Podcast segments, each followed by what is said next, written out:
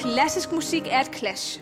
Et clash mellem følelser, mellem personligheder. Klassisk clasher med andre musikgenre og udfordrer samfundet og dets normer. Klassisk beskriver en kamp, vi alle kæmper. Dine værter, Christine Bernsted Og Rammes Mahana udfordrer hinandens og dine forestillinger om klassisk i programmet Clash.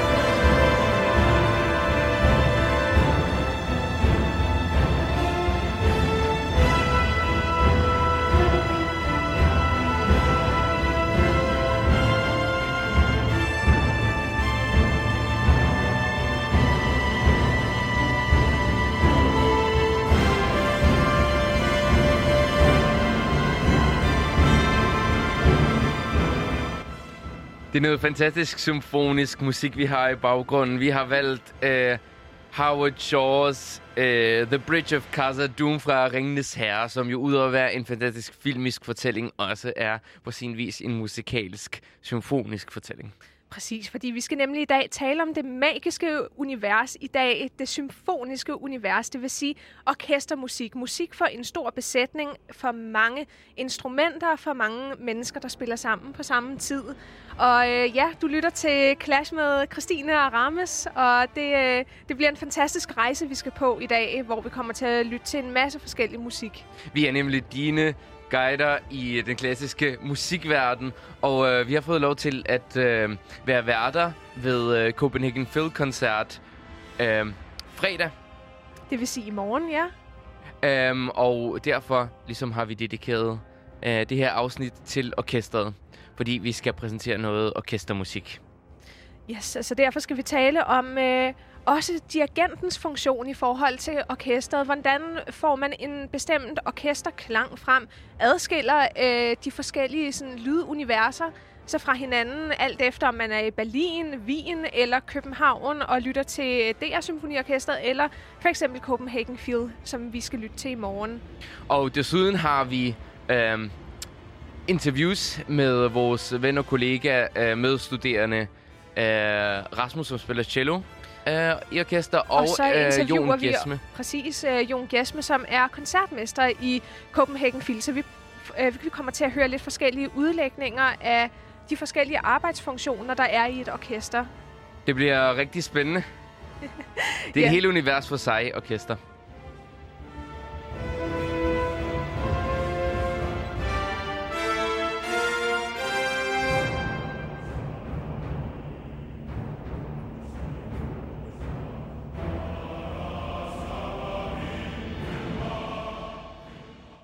Så som man hører her i uh, Ringenes Herre, så bliver orkestret også anvendt øh, virkelig meget til ligesom at skabe den her magiske stemning og den store klang, fordi det er det, som kendetegner et orkester, at det er sådan et stort lydunivers, som virkelig øh, lyder af, af meget og er meget omfavnende. Der er mange komponister, der synes, at orkestret er det ultimative instrument, og instrument i gåseøjne, fordi det er jo øh, rent faktisk rigtig mange forskellige instrumenter, der spiller sammen.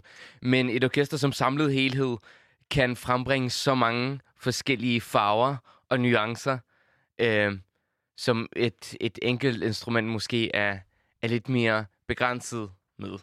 Ja, og det er nemlig det, at øh, så mange mennesker, når de sættes sammen, skal faktisk komme til at lyde næsten som en organisme. Det skal lyde som en helhed, oftest øh, en samlet lyd. Og det er der navnlig en komponist, der er mester i, og det er simpelthen Beethoven. Han var symfoniens største mester. Og vi skal lige starte med at lytte til hans femte symfoni, som var et meget sådan øh, skældsættende værk for ham, men også decideret i musikhistorien. Øhm, det kaldes også Skæbnesymfonien. Det er ikke en titel, han selv har valgt.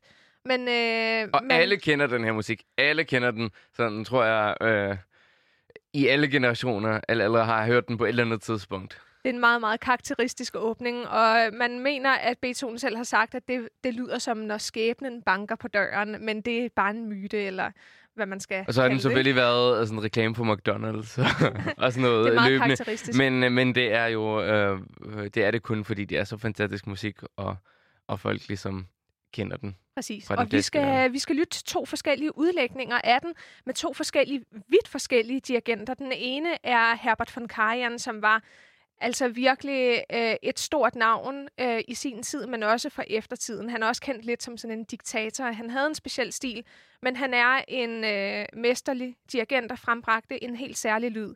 Så skal vi bagefter høre til en anden dirigent, der hedder Carlos Kleiber, som bragte noget helt andet frem. Men lad os tage hul på musikken. På Kajan.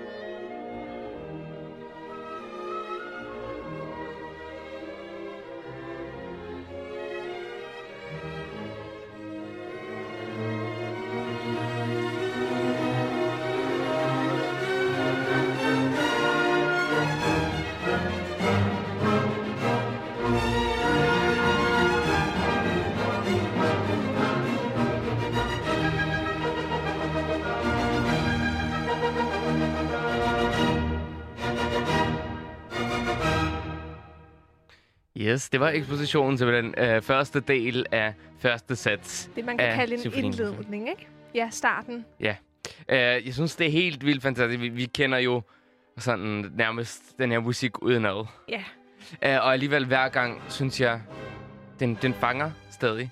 det gør den virkelig. Og det, der er interessant at høre i den her udlægning af musikken med Herbert von Karajan, det er, at det er, der er så stor en, en bredde og dybde i... Øhm, hvad hedder sådan noget, i or- orkesterbesætningens lyd.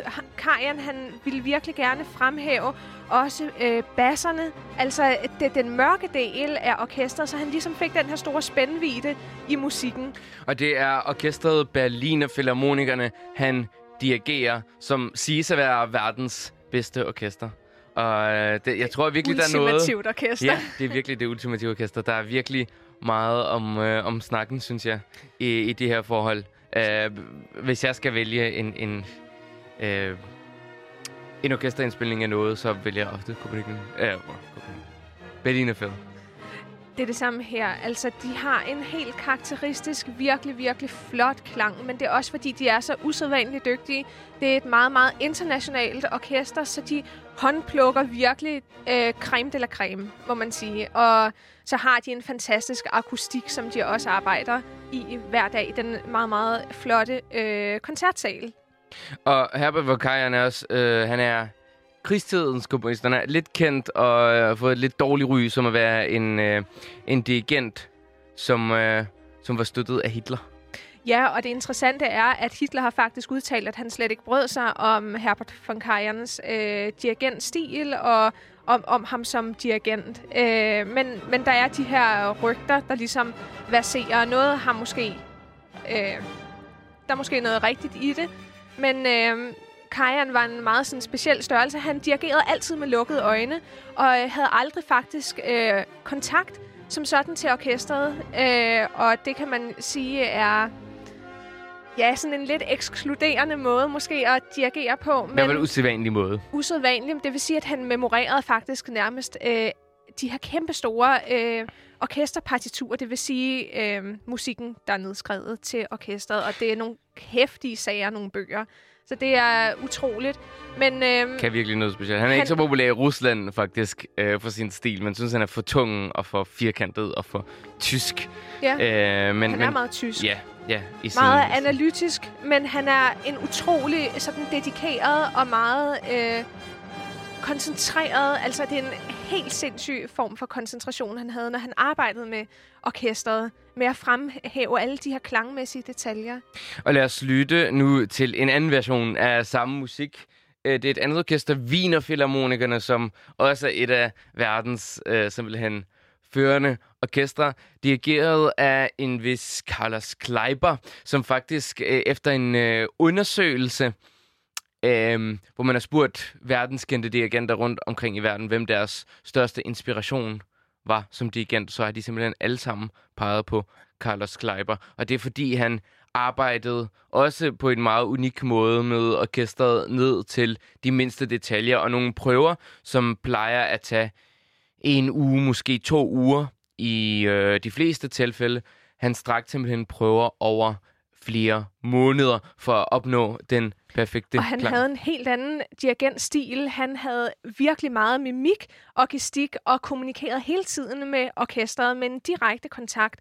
Og han er et utrolig vældigt øh, i orkestre og blandt øh, solister og sådan noget. Han, er, øh, han har en karakteristisk meget sådan sangbar og, og let... Øh, ja, sangbar klang, som han frembringer, at det er nogle meget øh, lange fraseringer, det vil sige nogle meget lange melodier, som, som virker så naturligt øh, frembragt. Lad os lytte.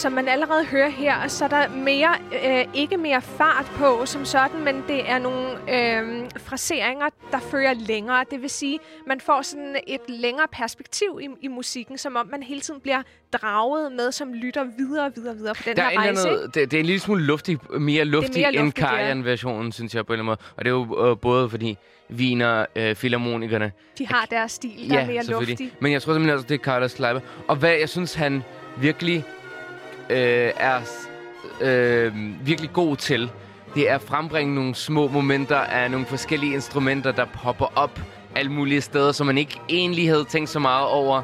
Og så lige pludselig så kommer der måske en, en lille obo eller en lille fløjte et sted, hvor man, som man ikke ellers Præcis. har lagt mærke til. Og man hører også mere den her spontanitet. Der er de her overraskelseselementer, som om, at kunsten faktisk bliver skabt i momentet. Det er ikke så planlagt og sådan, øh, så analytisk som hos Karajan, hvor det kan blive mere sådan tungt, fordi det er virkelig sådan gennemtænkt med stor koncentration.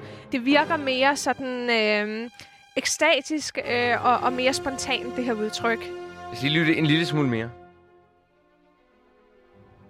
Og det hører man på den måde, instrumentgrupperne sætter ind. Det er mere overraskende. Da, da, da, da, da.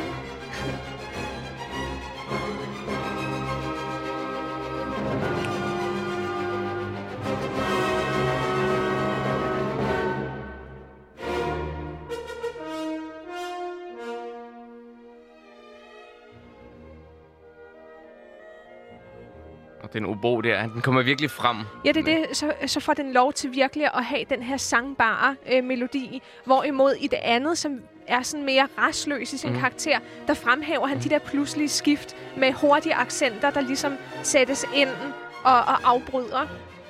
Jeg må indrømme, jeg, jeg, jeg er faktisk lidt mere til, øh, til Kleiber, re- rent, rent personligt. Så med al respekt for øh, god gamle Herbert von Karajan. Men øh, jeg synes, han gør også øh, en Beethoven-partitur. Altså, øh, den måde Beethoven har skrevet værker for orkester på, er jo øh, ret sådan kondenseret. Det er meget tungt og meget fyldigt. Og alligevel for, ja. Præcis, og alligevel for Carlos Kleiber øh, det er til at være transparent og me- meget sådan... Man kan virkelig høre, hvad der sker på, i de forskellige lag af orkestret, mm-hmm. synes jeg.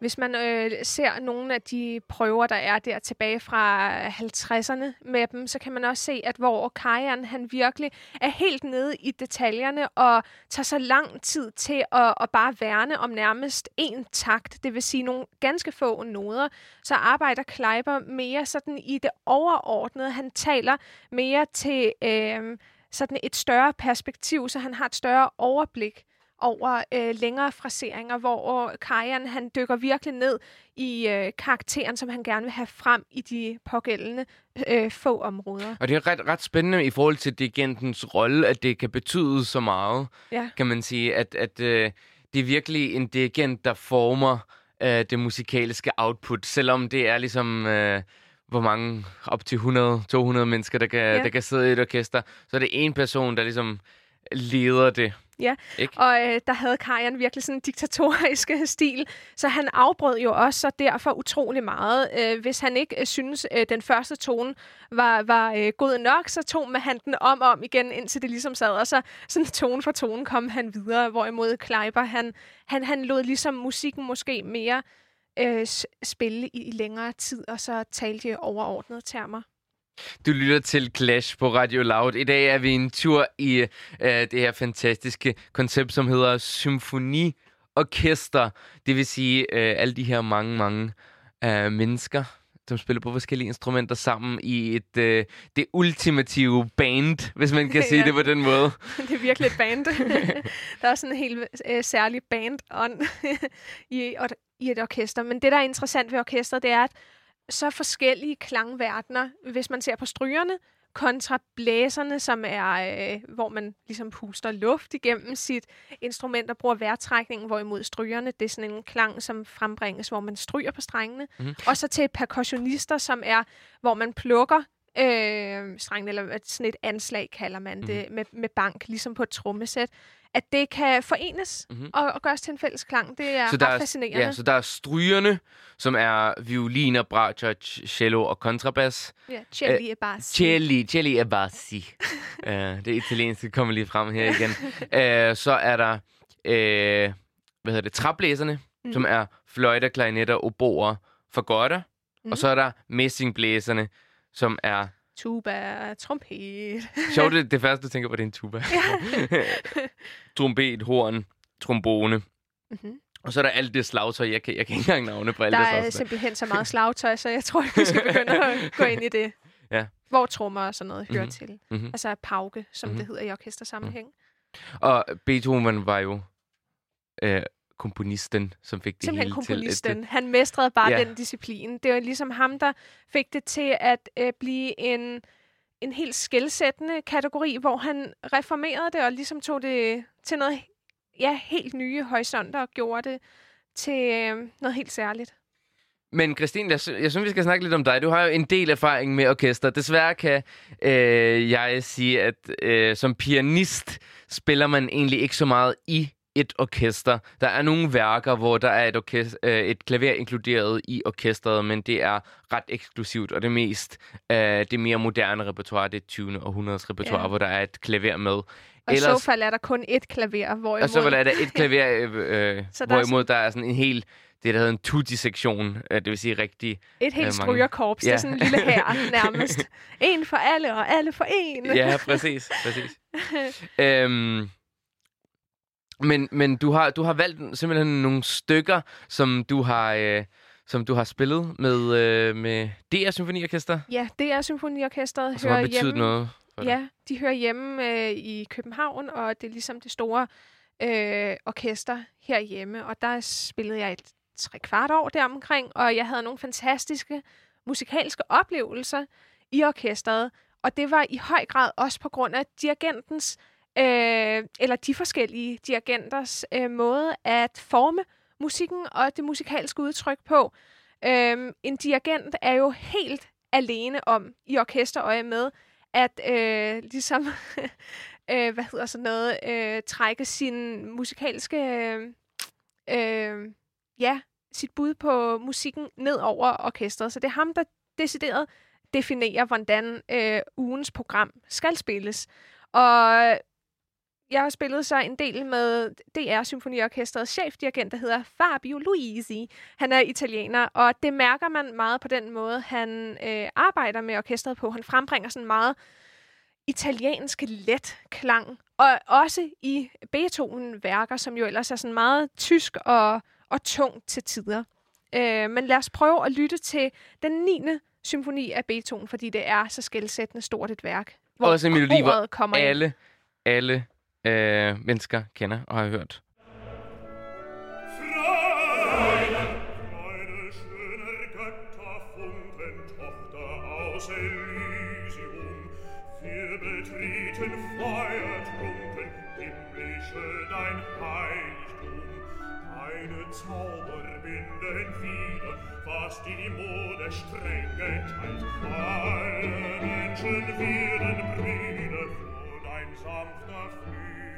Amen.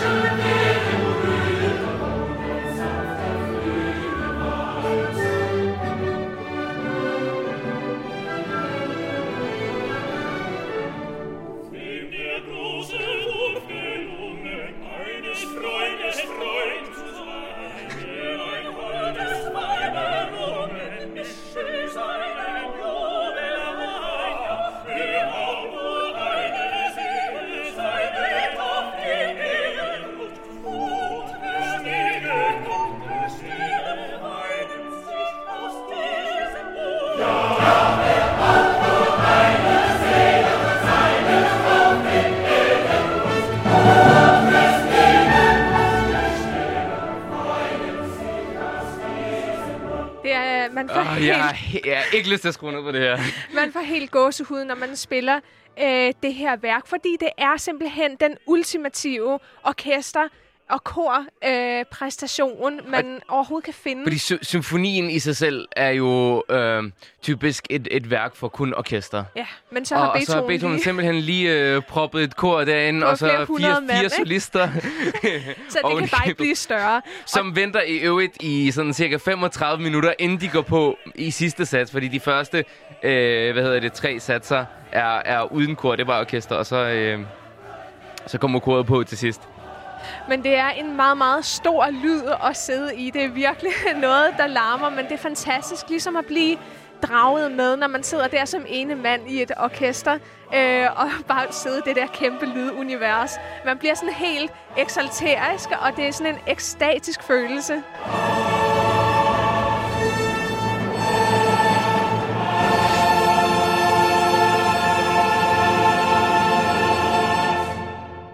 Episk. Men det, er- det er sådan noget, er det, er det ikke sådan en lidt en, en øh, følelse, sådan en buddhistisk følelse, du havde af at være e- ene med, med universet og, og med folk? Man føler virkelig, man er så nærmest i kontakt med det guddommelige, fordi det er bare så, det er så kæmpe stort. Men det er et helt fantastisk værk, og lyt endelig til det i, i hele sin he- øh, helhed, fordi det er skældsættende. Mhm. Vi skal Men al- alligevel, du har, du har valgt, ligesom øh, Christine, du er gået mere solistvejen, og vi, vi spiller mm. rigtig, rigtig meget kammermusik sammen nu, også, som, som er en, en vej, vi har valgt. Og du har simpelthen valgt ikke at, at lave så meget orkester. Jeg tror, der vil være rigtig, rigtig mange violinister, der vil være totalt lykkelige over at Ja, have den stilling, Men som altså, det, det er, det er også fantastisk lige i øjeblikket. Altså, nu studerer jeg jo på solistklassen i, på konservatoriet, så det er derfor, jeg også gerne lige vil prøve de her ting af, fordi jeg synes, det er så fantastisk også at kunne få lov til at spille alle de store værker, der er skrevet for mit instrument alene, men i særdeleshed også med klaver og dig, Rammes. Oh, love is Vi- in the air. Fuldstændig. Vi har jo så fantastiske samarbejde. så jeg synes, det er værd vir- virkelig lige at se, hvor langt man kan komme med det. Men orkester, det er en disciplin for sig selv, og det, det er da ikke øh, til at afvise, at engang i fremtiden, at det kunne være sjovt at fortsætte. Mm-hmm. Men- Men, ja, undskyld. Nej, Hvad kom med det, Rammes. Uh, nej, men jeg, jeg vil spørge, om, om det sådan for, for dit vedkommende har klasset på en eller anden måde, at, at, uh, uh, og, at det at spille i orkester har ligesom uh, på en dårlig eller god måde øh, været op imod, når du spiller solo eller kammermusik. Altså, det er to vidt forskellige måder at spille på. Som solist skal man stå alene med hele ansvaret for, at ens klang er optimal, og man skal ligesom kunne stille sig frem og, og nærmest, øh, hvad hedder sådan noget, stå til øh, skud, altså på øh, en målskive for øh, kvaliteten af det, man laver alene. Og jeg synes, det er et helt fantastisk udtryk, man selv kan få frem. Som øh, tutti-spiller sidder man jo sammen med virkelig mange andre mennesker, og det er noget helt andet musik, man så spiller, øh, som til tider øh, har en... Øh, en sådan fremtrædende rolle. Andre gange er det mere akkompagnerende, og det er en anden måde at spille på som stryger.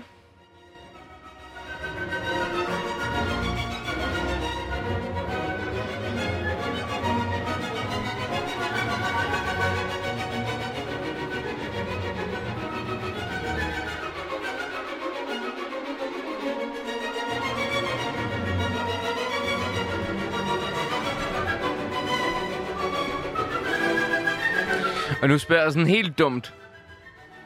Hvordan, hvis jeg er så mange stryger på en gruppe, en første en gruppe, hvordan kan man garantere, at alle er enige? Altså jeg tænker så selvfølgelig, det er, som vi nævnte før, det er dirigenten, der dikterer ligesom det musikalske øh, formidling. Men alligevel, inden for det, så vil øh, hver øh, stryger alligevel gøre det på sin egen måde. Hvordan sådan... Ja, og det er det, som også clasher ofte, hvis det er, man ligesom har øh, nogle, øh, nogle tanker om nogle ting, som man er nødt til også ligesom at lægge det til side, fordi det er den her holdånd, kan man sige. Og først og fremmest er det dirigenten, der ligesom dikterer slagets øh, gang, hvor, hvordan det skal udføres. Og dernæst er det dem, der sidder øh, som koncertmestre på første pult, der har magten. Som er ligesom... Øh løjtnanter, kan man sige. Hvis man sammenligner med en her. Altså, så Tutti-spillerne, det er de menige. Så ja. er der lidt højere op i rangen, det er Præcis. Øh, koncertmestrene. Altså, mm. øh, og så er der dirigenten, som er den store overgeneral. Ja, så man parerer ligesom ordre, det kan man godt sige. Det er det, som også nogle gange kan være lidt svært at ligesom forene sig med. Men øh, sådan er det. Du lytter til Clash på Radio Loud. Christine Bernsted og Rammes Mahana tager dig øh, ind i det fantastiske orkesterunivers, og vi graver simpelthen, hvad det er for en disciplin øh, i den klassiske musikverden. Og jeg tænker, vi tager noget, øh, noget andet. Øh, også melodi, øh, alle kender. Ja. Vil jeg sige. Vi har virkelig sådan meget populær musik i dag, synes ja. jeg. Um, Men det er nok, fordi det er så godt. Ja, ja. Noget filmmusik, som er fuldstændig episk.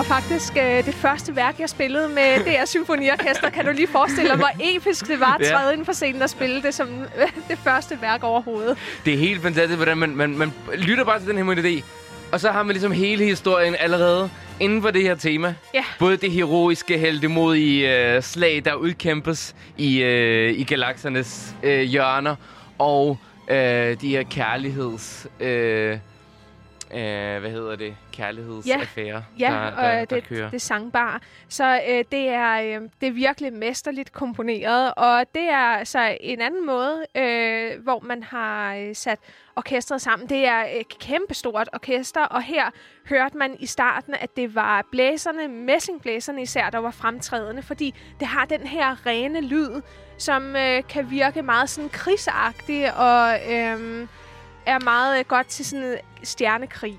Præcis, og man, man tænker jo sådan, messingblæserne er sådan et, det militære. Ja. Kan man sige, ikke? Mm-hmm. Man tænker sådan, øh, eller militær orkester. Men strygerne, når strygerne kommer ind, de har så det bløde sidetema. Ja, og det det, det romantiske, der, der kommer ind. Det sangbare, det, det hvor hjerterne det smelter. Men det er sjovt, fordi jeg, jeg hører virkelig, at det er amerikansk musik allerede fra starten af. På grund af, at man får det her, øh, den association til de amerikanske militærorkestre. Så man kan godt høre, at det er en amerikansk komposition. Men det er virkelig sej musik. Mm. Det er stor musik, og det er også et kæmpe lydniveau at sidde i. Fantastisk. Jeg tror, vi skal en lille tur på konservatoriet nu. Ja. Og mødes med øh, to af vores kære venner og kollegaer. Rasmus Støjer, som spiller cello, øh, som skal spille med i et projekt med Copenhagen Phil, som er øh, førhen kaldt Sjællands Symfoniorkester. Lige præcis. Det er et orkester, der holder til øh, til daglig og øver på konservatoriet i konservatoriets koncertsal. Og konservatoriet har så en gang imellem i løbet af studieåret de her samarbejdsprojekter øh, mellem de konservatoriestuderende på bachelor- og kandidatniveau, øh, hvor man får lov til at sidde i en uge og arbejde sammen med et rigtigt orkester og se, hvordan en øh, rigtig arbejdsuge er, hvis man arbejder i orkester. Så derfor så skal vi tale med en af de studerende, Rasmus, og så skal vi tale med øh, hvad hedder det, orkestret Copenhagen Phils øh, koncertmester Jon Gjesme, der er norsk. Præcis. Vi skal finde ud af, ligesom, om, om øh, hvad det giver ja, at, at sidde i et professionelt orkester, fordi vi har jo også de her orkesterskoler, som det hedder, hvor det kun er konservatoriets studerende, mm-hmm. øh, der sidder og spiller sammen. Yeah. Men øh, det bliver ligesom noget andet, når øh, konservatoriets studerende får lov til at sidde sammen med nogen, der, en, der sidder ja, på en kontrakt på en rigtig produktion. Så vi skal høre, om det giver noget ekstra at få lov til at, at, at sidde med og, og opføre det sammen med øh, professionelle musikere. Og så også lidt om arbejdsrollerne i et orkester, taler vi med Jon Gjesme om. Du lytter til uh, Clash på Radio Loud. Det er Ramos Mohana og Christine Bernsted. Og vi er nu taget til det Kongelige Danske Musikkonservatorium, som er vores studiested. Og vi sidder nu sammen med Rasmus, der er cellist og studerer på sit første år af kandidatuddannelsen. Og vi har købt en kaffe til dig, så nu har du bare at uh, spytte ud. Tusind vi har tak et uh, program om... Nej, måske lige fortælle lidt om dig selv først. Ja, jeg hedder Rasmus Støj Andersen, og jeg spiller cello og det har jeg gjort meget længe. og nu går jeg på første år på kandidaten hos Togo Møldrup, øh, og har også taget min bachelor her på DKDM. Og det, det må betyde også, at du har spillet en del orkester. Der er både orkesterskoler og alle mulige projekter øh, både på, på Præcis, der er mange projekter på KONS, og jeg har også spillet meget orkester. Udover det været en fast del af både det danske ungdomsensemble og de sidste par år været med i det, der hedder EUIO, European Union Youth Orchestra, som er rigtig, rigtig sjovt, hvor vi er på to turnéer om året. Og nu har du så siddet her i øh, her i mandag, og I begyndt prøveforløbet til den her koncert, I skal have her på øh, fredag. Hvordan er det at få lov til at sidde op af en professionel øh, cellist? Øh, guider han dig i programmet, eller hvordan? Det er, for mig er det en, måske en lidt mere særlig oplevelse end for mange andre, fordi min øh, pultmarker er min tidligere lærer, Steffen, som var ligesom for mig var det faktisk ham, der ligesom viste mig, at man faktisk kan have et ret fedt liv som professionel musiker, hvor indtil da havde jeg mest set det som en hobby. Og det var, da jeg begyndte at tage timer med ham, at jeg kunne se, okay, det her kan man faktisk virkelig komme i dybden med tingene og, og leve et godt liv. Øh, så det er meget specielt for mig at sidde sådan af ham. Og netop fordi jeg kender ham så godt, tror jeg måske ikke, at det bliver sådan så guidance-agtigt, som måske for nogle andre, eller jeg ved ikke, hvordan det foregår på andre pulte, men i hvert fald fordi vi kender hinanden så godt, så har vi det faktisk bare mega hyggeligt, og vi hjælper hinanden virkelig meget. Så det er et meget øh, afbalanceret forhold, synes jeg. Okay, så, du, altså, der er også alligevel øh, sådan venner-kollega øh, ja, forhold også, ja. øh, også, også med de andre øh, orkestermusikere? Helt sikkert, det synes jeg. Og jeg synes lidt, at altså, det, der er rigtig fedt ved det projekt, er, at man netop ikke kommer ind og føler sig som en lille kanin, der skal ind og prøves af, eller at man skal ind og lære helt vildt meget, fordi det er mere at opleve, hvordan det egentlig er at sidde i et orkester, som er noget, man, man kun har godt af at erfare.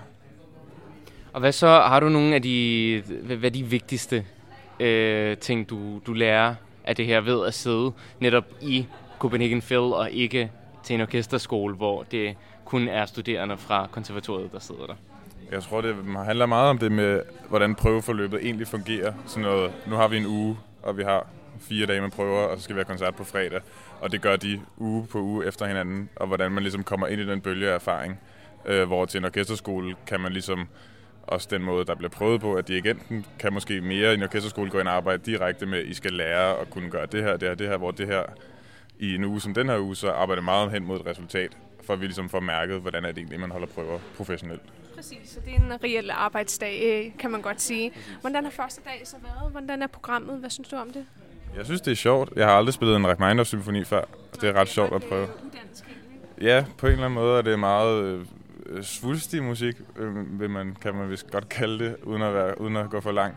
Og øh, ja, utrolig sjove stemmer, og, og meget velskrevet for instrumenterne, kan man mærke. Så jeg tror ikke, at problemerne ligger så meget i at skabe altså, hvad hedder det, stemmerne er så godt skrevet, at de faktisk er ret tilgængelige, hvilket vil sige, at man kan komme hurtigere hen til at arbejde på de ting, der faktisk er sjovt, med balance, med fraseringer og sådan nogle ting. Så der skal ikke så meget arbejde i egentlig at få det sat sammen som sådan. Det er Får du sådan, nu, nu ved jeg ikke helt, øh, om, om du har nogle øh, øh, langtids fremtidsplaner, eller, eller øh, men, men jeg tænker, får det, giver det dig lyst til at blive og spille i et orkester, til at få en rigtig stilling? øh, når du er færdig, at, at lave de her projekter? Bliver du bare sådan, øh, wow, Copenhagen Fed er det bedste, jeg vil bare blive her hele mit liv? Eller? Jeg synes i hvert fald, man får mærket, hvilken hverdag det er, man kan få, og hvad, hvad, ligesom, hvad er det for nogle ja, præcis, hvilken hverdag kan man få som orkestermusiker, og den blev jeg tændt meget på af. Altså, jeg synes virkelig, at det vil være et liv, jeg gerne vil leve. At komme ind hver dag og holde prøve, og have en koncert i sigte hver uge, nogenlunde hver uge i hvert fald, er en fed måde at leve på. Så det vil jeg, det synes jeg. Og man kan sige, at der er jo så meget fantastisk repertoire for, for orkester, ikke? Øh, der, der er nogen, der siger, at, at orkester det er jo det ultimative instrument, så at sige, fordi det, har, det kan så meget, det har så mange farver. Mm. Øhm. Ja. Så det er jo kun en drøm, at kun, hvis man en dag kan få lov til at leve i et sådan et orkester. Selvfølgelig. Men du føler ikke, det er sådan øh, tager på dit øh, individuelle musikerskab? Tværtimod synes jeg, at man kan lære lige så meget af det, som at den tid, man kan bruge i sit øvelokale. Øh, du kan lære lige så meget om dig selv. Det er her, man virkelig får lov til at give slip på alle de ting, du står og øver, fordi du bliver, der er en anden, der fortæller dig, hvad du skal øve på lige i momentet. Så du ligesom, når du står i et øvelokale, så presser du dig selv virkelig, virkelig hårdt i teknik og i alt muligt, og får tingene til at sidde. Når du sætter dig ind i orkester, så, så kan du ikke gøre andet end at give slip på det, og så er det kun din intuition og dit musikerskab, der kommer ud. Så det synes jeg bare er lige så udfordrende som den tid, man har med en lærer eller i et øvelokale. Det var så Rasmus Støjer. Vi hørte vores ven og kollega fra konservatoriet, som ligesom er på vej ind øh, og blive øh, uddannet som, som cellist. Og nu er det tid til at høre Jon Gjesme, som ikke bare er violinist i Copenhagen Phil, men også er koncertmester.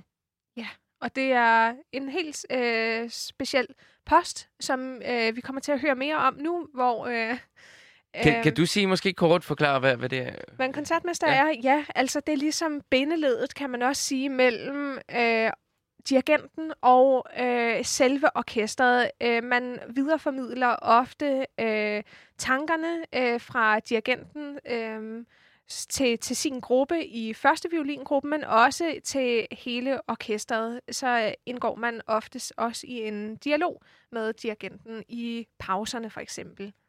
Nå, men nu er vi øh, rykket ned til koncertsalen i det, på det Kongelige Danske Musikkonservatorium, og jeg sidder nu med Jon Gjesme, som er koncertmester i Copenhagen Phil, som er øh, husorkester her i øh, på denne lokation. Og Jon, du er koncertmester. Vil du forklare, hvad det vil sige, og hvad din rolle i orkestret ligesom indebærer?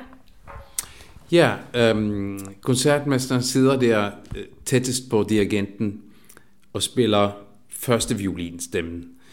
Øhm, og spiller også, hvis der er solo, hvis der er so, øh, solo i øh, første violinstemmen. Men øhm, altså jeg er først og fremmest øh, leder for første violingruppen, men også leder for hele strygruppen faktisk. Og så igen, så kan, hvis man ser på hele orkester, så er jeg også på en måde øh, bindeled mellem dirigent og orkester, siger man lidt populært. Men, øh, så det er en meget speciel funktion i virkeligheden. Altså du er bindeledet mellem dirigent og så hele din gruppe, men du har også solistfunktionen. Er det noget, som, ja, som øh, taler meget til dig, at du har de forskellige øh, roller i, i orkestret? Ja, det synes jeg egentlig. Altså, det er jo, det er jo spille orkester, det er jo egentlig meget øhm, øh, kammermusikalsk. Øh, det er lidt som at spille en strygkvartet, bare et meget større. Så øhm, man kan sige, at man sidder og leder en strygkvartet, så, så sidder man forrest og, og, og leder et orkester, og det er, er alt med at, at, at lede, men, men at lytte først og fremmest. Lyt til de andre, som man spiller sammen. Hvordan er så arbejdet med dirigenten? Det varierer, kan jeg forestille mig, meget fra uge til uge, øh, alt efter hvordan dirigenten ligesom også responderer på øh, orkestret og orkestrets klang. Hvordan er det til det samarbejde, du har med dirigenten? Ja, det er, det er meget, meget forskelligt fra uge til uge øh, med de forskellige dirigenter. Men øh, det, det, det kan være øh, rigtig godt øh, mange gange. Altså, dirigenten øh, leder an i øh, og, og, og prøven, og ligesom på en måde bestemmer, hvor vi skal hen, og hvad vi arbejder med, og sådan noget. Og så kan jo jeg som koncertmester komme med indspil, og øh, så det er lidt på en måde, altså vi prøver at, så godt vi kan at følge dirigentens ønsker og sådan noget, men, men i visse tilfælde så, eller hvornår det fungerer bedst, er måske, hvis vi også øh, kan overtage lidt selv. Altså en, en kombination, som kan være lidt svært at sætte ord på. Nogle dirigenter er mere styrende, og andre er mere fleksible, kan man sige. Ja, præcis. Og så på fredag, så skal I jo spille sammen med en violinsolist, øh, Guy Braunstein. Er det rigtigt udtalt? Det skulle du spørge ham om. men øh, det skal nok blive rigtig festligt, men så, så ændrer din funktion så vel også lidt, fordi så er du bindeledet til solisten. Øh, hvordan øh, plejer det at være, når der kommer en ekstra faktor ind fra siden? Jo, det er, det er, det er meget, meget spændende. Altså, solisten der, han har jo været koncertmester i Berlin Philharmonien, så det, det er jo meget... Så han har faktisk haft lidt den samme funktion, kan man sige, bare i Berlin, som den du har. Ja, det er fuldstændig rigtigt. Så, øhm, som han er stoppet med nu, men, øh, men øh, så der mange, som kender ham derfra, fra, fra Berlin Philharmonien, som jo er et meget, meget kendt orkester. Um, øh, min funktion øh, er jo lidt den samme, men, men selvfølgelig mere øh, akkompagnerende, øh, fordi violinsolisten er et, øh, et lille instrument, så, så må man spille meget sværere, og, og øh, man må forholde sig til, til hans eller solistens stemme hele tiden. Du har også fortalt mig, at I tidligere har spillet sammen med Guy. Synes du, at man kan mærke på ham, at han er øh, oprindelig orkestermusiker og netop er vant til at øh, være også bindeledet mellem orkester og dirigent? Er der noget den måde, han agerer på på scenen, som, som virker, øh, ja, som taler meget ind i den rolle? Ja, det synes jeg helt klart. Altså det, det kommer meget naturligt for ham, fordi, øh, ja, fordi han har været i den position selv i mange år. Helt sikkert. Men øh, vi glæder os utrolig meget til at høre jer her på fredag, og øh, se, hvordan det hele øh, tager sig ud. Tusind tak. Tak. Og så er vi tilbage i studiet. Det her er Clash på Radio Loud, den klassiske øh, musikprogram med Christine Bernsted og Rammes med Hanna. I denne uge, der rapporterer vi jo også fra Copenhagen Field, som vi har øh, interviewet lidt, som vi hørte før. Og øh, i denne uge har øh, orkestret en solist med. Øh, det er en israelsk violinist, der hedder Guy Braunstein. Han er tidligere koncertmester i Berliner Philharmonien og skal i denne uge spille Sibelius' store violinkoncert med orkestret. Som vi skal høre lige om lidt.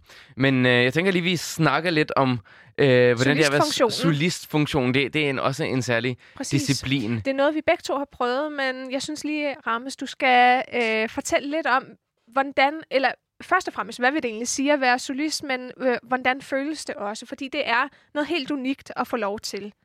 Det føles helt fantastisk, og det er noget, jeg virkelig, virkelig holder af som pianist, når man står frem øhm, og, og spiller øh, en klaverkoncert, i mit tilfælde, som det hedder. Det, er, det betyder, når man spiller et solo øh, klaver, og øh, spiller det sammen med orkester. Der er noget helt fantastisk musik skrevet i den anledning.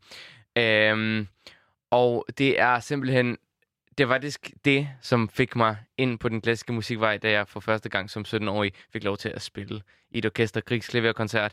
Øh, fordi den her kæmpe opbakning af de her fantastiske klangfarver, der er i orkestret, støtter op om ens øh, solo-del. Så det er de mange mod, mod den ene, mm. og der er det her clash. Øh, i, øh, i den musikalske del af det, som jeg synes er helt fantastisk. Og på en måde er det ligesom kammermusik, så man, man er ligesom i, i dialog med hinanden, øh, orkestret og solisten, men det er også, man er noget ekstra. Mm. Man er øh, en, en frontfigur. Man får lov Præcis. til at brillere på en, på, en, øh, på en helt speciel måde. Ja, det er en helt magisk oplevelse, fordi også især som øh, pianist, øh, hvor øh, dit instrument jo ikke som sådan oftest er med den her store orkesterklang, øh, så er det jo en, en helt særlig sådan omfavnende følelse at kunne interagere med så mange mennesker øh, på kammermusikalsk vis. Det vil sige, at der er den her dialog mellem det ene instrument, som har solistfunktionen, og så den der store masse, som støtter op om musikken og ligesom omfavner det. Og jeg synes, klaveret som instrument er totalt oplagt instrument til at ligesom, være et clash med, med orkestret. Fordi det, det er en helt er, anden det, klangverden, det er en som helt anden klangverden, står ud for sig selv. Og det har simpelthen også en kæmpe klang. Hvis, hvis man kan finde ud af at spille det ordentligt. Det, det, det, har en stor klang, og klaveret har også rigtig, rigtig mange farver og rigtig mange registre, så på en eller anden måde kan mm, klaveret på sin vis matche, men kan ligesom spille som en blæser i godseøjne, eller som en stryger på et klaver, og frembringe en masse klangfarver, så det, det er ligesom øh, et, et, øh, et mod et kontraorkestre. Ja, man og har så øh, matcher lydniveauet jo også meget godt øh, faktisk et orkester til tider. Ikke? Man kan jo virkelig øh, spille ud, fordi det er så kæmpestort et instrument, der har man øh, mere udfordringen som violinist, som jo er et øh, langt mindre sådan størrelsesmæssigt øh, instrument, når det er, at man skal gå ind og matche så mange musikere, som også ligesom spiller på det samme instrument, som man selv gør. Så det er en udfordring for sig.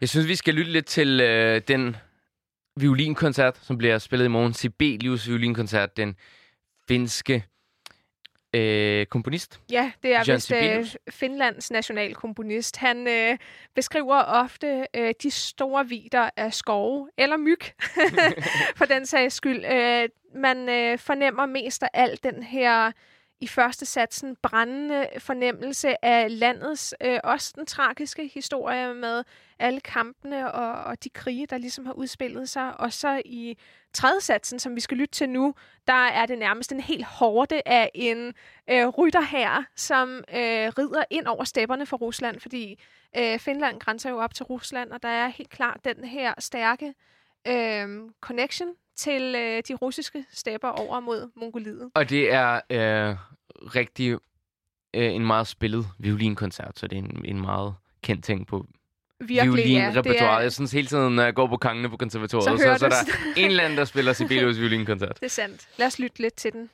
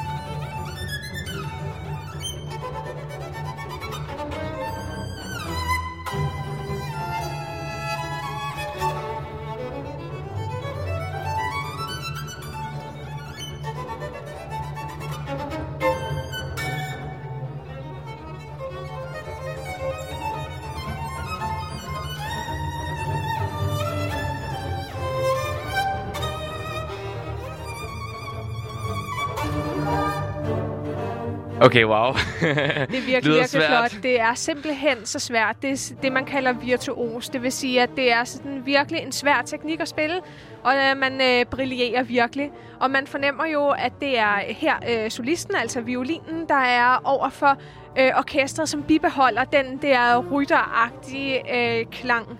Og øh, lige i øjeblikket, så hører man alle de her harmonier, som ligesom tyder på, at øh, vi grænser op til øh, noget mere østligt, altså det, det, det russiske. Og mm, jeg må jo sige, at altså, en violin, lige meget hvor powerful en violinist man er, og lige meget hvor meget klang man kan skabe. Øh, så er man begrænset. Så er man begrænset i forhold til klaver. Et klaver kan simpelthen bare mere, fordi vi har så meget mere at gøre godt med. Vi har så mange... I har fire strenge.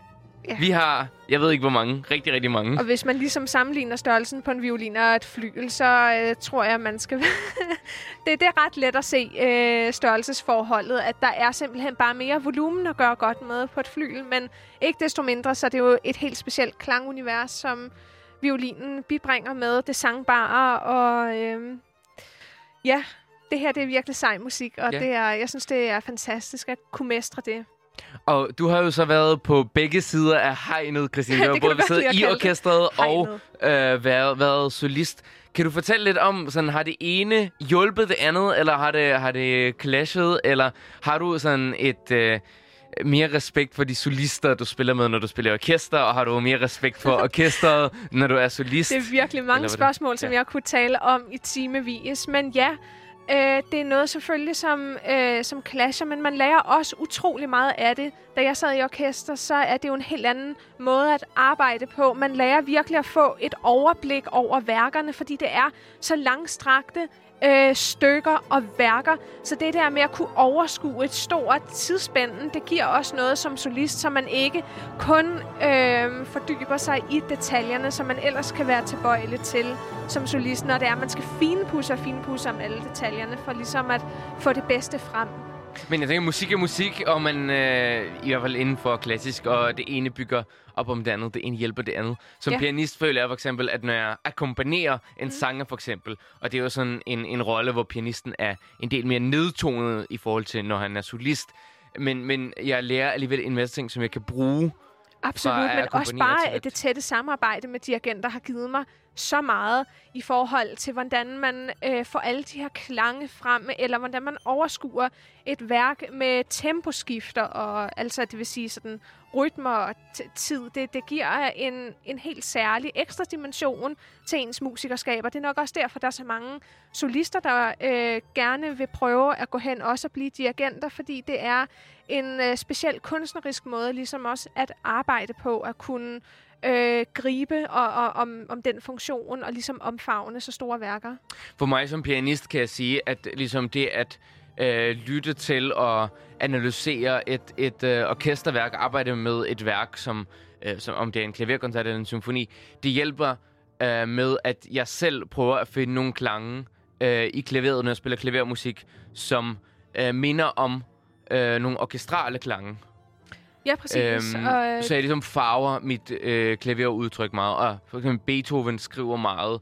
Øh, men du, du sagde, at han, han er symfoniens mester, og det ja. er han jo også, når han skriver værker for soloklaver. For ja, og det, der det er interessant, det er, at øh, de andre kategorier, såsom kammermusik, øh, violinsonater, klaversonater, det udformer han også symfonisk, og at det er det, som han ligesom bidrog med, at han ligesom løftede alle de forskellige musikalske kategorier op og gjorde det øh, til den her nærmest symfoniske ånd, som der ellers kun er i øh, orkesterværker.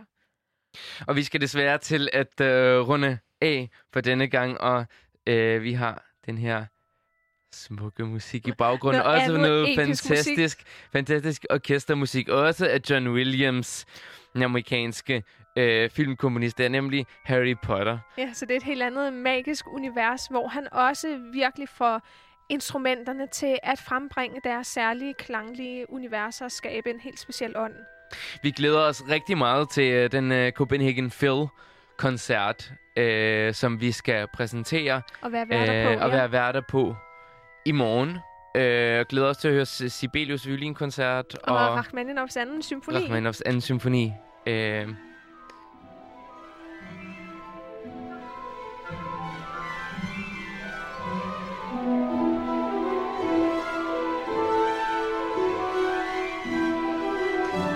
fornøjelse at tale øh, om det her fantastiske emne, som er så stort og som øh, er så vidt fagnende.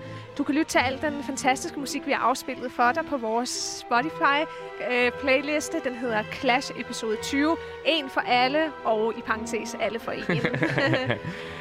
øhm, ja, lyt til en masse god orkestermusik, især Beethovens symfonier. Øh, kom gerne til den fantastiske Copenhagen Phil-koncert. Det er noget virkelig fed musik, Ja. der kommer til at blive spillet. Og så er der bare den sidste ting At sige, at sige for i dag, og det det er... er keep, it cool, keep, keep it it classic. classic.